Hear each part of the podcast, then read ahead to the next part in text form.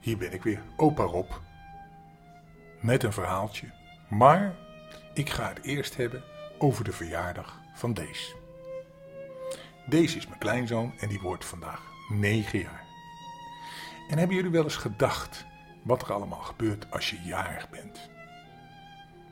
Voor opa's en oma's is dat een belangrijke dag en daar moeten ze al lang over nadenken. Dus ik heb al lang nagedacht over een cadeau. En deze had natuurlijk weer een heel duur cadeau in gedachten. Dus wat heeft opa gedaan? Nou ja, opa die is op zoek gegaan. Nou is het zo dat als je jarig bent, dan ben je het feestvark. En dat is bijzonder. Het begint al met het ontbijt. Deze wilde dropjes bij het ontbijt. Nou vraag ik je toch. En volgens mij heeft hij het nog gekregen ook. En uh, s'avonds wilde hij tiramisu eten. Dat is een lekker toetje, dat ben ik met hem eens. Dat vind ik ook wel lekker. En dan krijgt hij al zijn vriendjes op bezoek. Dus uh, hij heeft geen tijd voor opa. Maar ja, opa heeft wel een cadeau gekocht voor hem. En dan moet hij maar langskomen om het op te halen. Want opa heeft het verstopt. Hey, en uh, als jij jarig bent, is het ook feest natuurlijk. En misschien heb jij ook wel een opa die uh, een cadeautje voor je koopt. Maar in ieder geval, wat ik altijd doe, ik kan niet altijd bij de verjaardag zijn van mijn kleinkinderen. Maar ik ga altijd wel voor ze zingen. Dan stuur ik een berichtje. En dan uh, zing ik in het berichtje eigenlijk, lang zal ze leven. Ik weet niet of de kinderen dat leuk vinden, want ik zing natuurlijk vals. Maar ja, ach, maakt het uit. Het is je opa maar, toch? En je opa, die kan verhaaltjes vertellen, dat is allemaal goed. Hij kan cadeautjes voor je kopen, dat is ook goed. Knuffelen is prima. Hè? En uh, verder uh, moet hij zijn mond houden. Nou, ja, een beetje wel. Hey, luister, uh, lieverd. Ook deze die luistert elke keer naar het verhaaltje en ook vanavond weer. Dus willen jullie hem feliciteren? Hey, en als jullie zelf door mij gefeliciteerd willen worden, dan moet je eventjes een berichtje sturen dan ga ik jullie ook feliciteren, want ik vind het wel grappig om een felicitatie te doen voor het verhaaltje.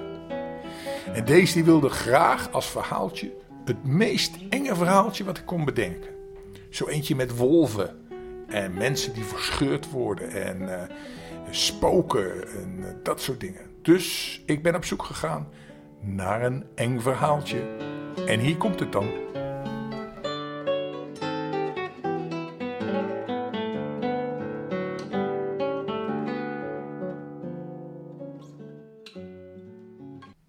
Nou, het engste verhaaltje wat ik uh, heb kunnen vinden is Geesten van de Nacht. Het is een verhaaltje uit Suriname. Nou, en daar hebben ze natuurlijk het oerwoud. En als het oerwoud geen spoken en enge geesten kent, nou, dan weet ik het niet meer. Dat is heel spannend. De Wara Habuli was op jacht gegaan. En toen de nacht viel, bevond hij zich nog midden in het bos. Habuli kon geen hand voor ogen meer zien en wachtte op de maan. En plotseling hoorde hij stemmen, zeer vreemde stemmen, die hem angst inboezemden. En hij verstopte zich achter een boom. Tussen de bladeren door zag hij de vreemdelingen naderbij strompelen. Ze hadden een gedrongen gestalte en ze liepen gebogen met zware tred op voeten die net als vuisten leken, terwijl hun handen eruit zagen als die van een kikker. Hun behaarde oren hingen over grijze wangen en ze keken om zich heen met de ogen van een uil. Habuli verstond ze eerst niet, maar ontdekte opeens dat ze een soort lied zongen. Wij zijn de geesten van de nacht.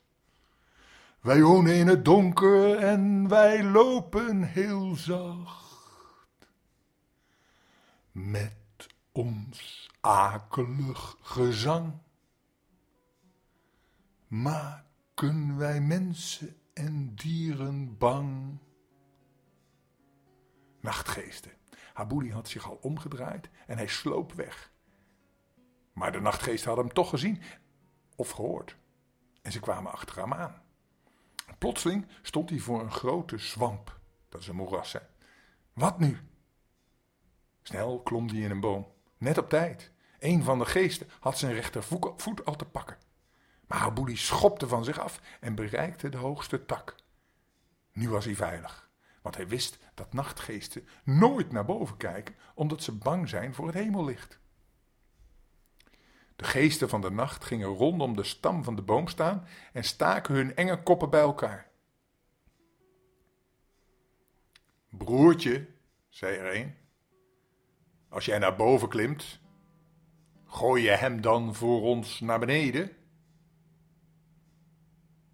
Hoe moet ik klimmen? vroeg broertje. Met je ogen naar de grond en je billen naar boven, luidde het advies. Habouli, die alles gehoord had, nam een pijl. Toen hij de bil van broertje, nachtgeest, op zich af zag komen, stak hij de pijl in diens achterste. Broertje slaakte een gil en hij tuimelde naar beneden. En daar wachtte hem een warme ontvangst. De nachtgeesten sloegen hun broer bont en blauw. De slimme Habouli maakte van de verwarring gebruik om vlug omlaag te glijden en er vandoor te gaan. Maar de nachtgeesten zagen hem ontsnappen en gillend van woede zetten ze de achtervolging in. Alles wat onder hun voeten kwam, vertrapten ze. Haboudi dook in een kuil en hield zich muisstil. Waar is hij? Waar is hij? Riepen de nachtgeesten door elkaar. Bijen, kom ons helpen zoeken. De bijen van de nacht, die geweldig goed kunnen ruiken, hadden Habouli in een mum van tijd gevonden en begonnen hem overal te steken. Kreef me over, kreef me over, schreeuwde Habouli en hij deed of hij flauw viel. Daar schrokken de nachtgeesten van, want ze wilden hem levend in handen hebben. Medicijn, medicijn, riepen ze door elkaar en ze stoven alle kanten op om medicijnen voor Habouli te zoeken. Die sprong op en verdween in het struikgewas, waar een holle boomstam lag. Hij kroop erin en maakte het zich gemakkelijk. Toen de geesten van de nacht hem hadden gevonden, durfden ze niet naar binnen, omdat ze bang waren dat hij hun pijlen in hun ogen zou steken. Dus riepen ze de hulp van de steekmieren in, die vlammetjes spuwend de holle boomstam introk. De nachtgeesten lachten. Eh, we roken hem uit. Haboudi keek angstig om zich heen. Hij wist niet wat hij tegen die venijnige, vuurspuwende mieren moest beginnen. Toen voelde hij wat speeksel in zijn mond. En hij begon ook te spugen. Zoals je weet, kunnen vlammetjes niet tegen vocht. En het vuur doofde uit en de mieren renden kletsnat weg. De nachtgeesten konden hun woede, van woede wel uit hun vel springen. En ze vloekten zo luid dat de bladeren van de bomen vielen. Straks zou het ook nog licht worden en dan was hun macht voorbij. De makkaslam is de enige die ons kan helpen, riep een geest. We moeten er twee hebben, zei een ander. Twee makkaslangen meldden zich en rolden zich voor de uitgangen van de holle boomstam op. Habouli zat nu echt in de val. Niemand haalt het in zijn hoofd om over een makkaslang te stappen. Als je op hem trapt, richt hij zich sissend op. Zijn tong schiet uit zijn giftige bek en met een kleine beet maakt hij je dood. De nachtgeesten waren lachend en fluitend verdwenen. Tot vanavond. Vanavond komen we terug. De dag brak aan en Abouli hoorde de regenroofvogel schreeuwen. Hé hey, oom, riep Habouli, liggen die slangen nog voor de deur? Sst, siste de slangen. Gil niet zo. Is die vogel echt familie van je? Ja hoor, antwoordde Habouli. Hij zal me zo wel te hulp komen. Dat hoeft niet, siste de slangen, we zijn al weg. Willen jullie niet met hem kennis maken? vroeg Habouli schijnheilig. Ken hem al, fluisterde een van de slangen. Kijk maar, je oom heeft een van mijn ogen uitgepikt. En ik wil mijn andere oog graag houden. Habuli moest erom lachen.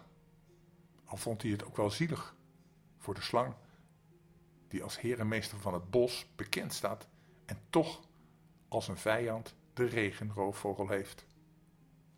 Hij kroop uit de holle boomstam, sprong op en rende aan één stuk door tot hij thuis was. Maar daar maakte zijn verhaal over de nachtgeesten weinig indruk. Men vond Habuli een beetje dom. Als het donker is, moet je zorgen dat je binnen bent. Zo niet, ja, natuurlijk word je dan overvallen door de nachtgeesten. Dat is toch logisch?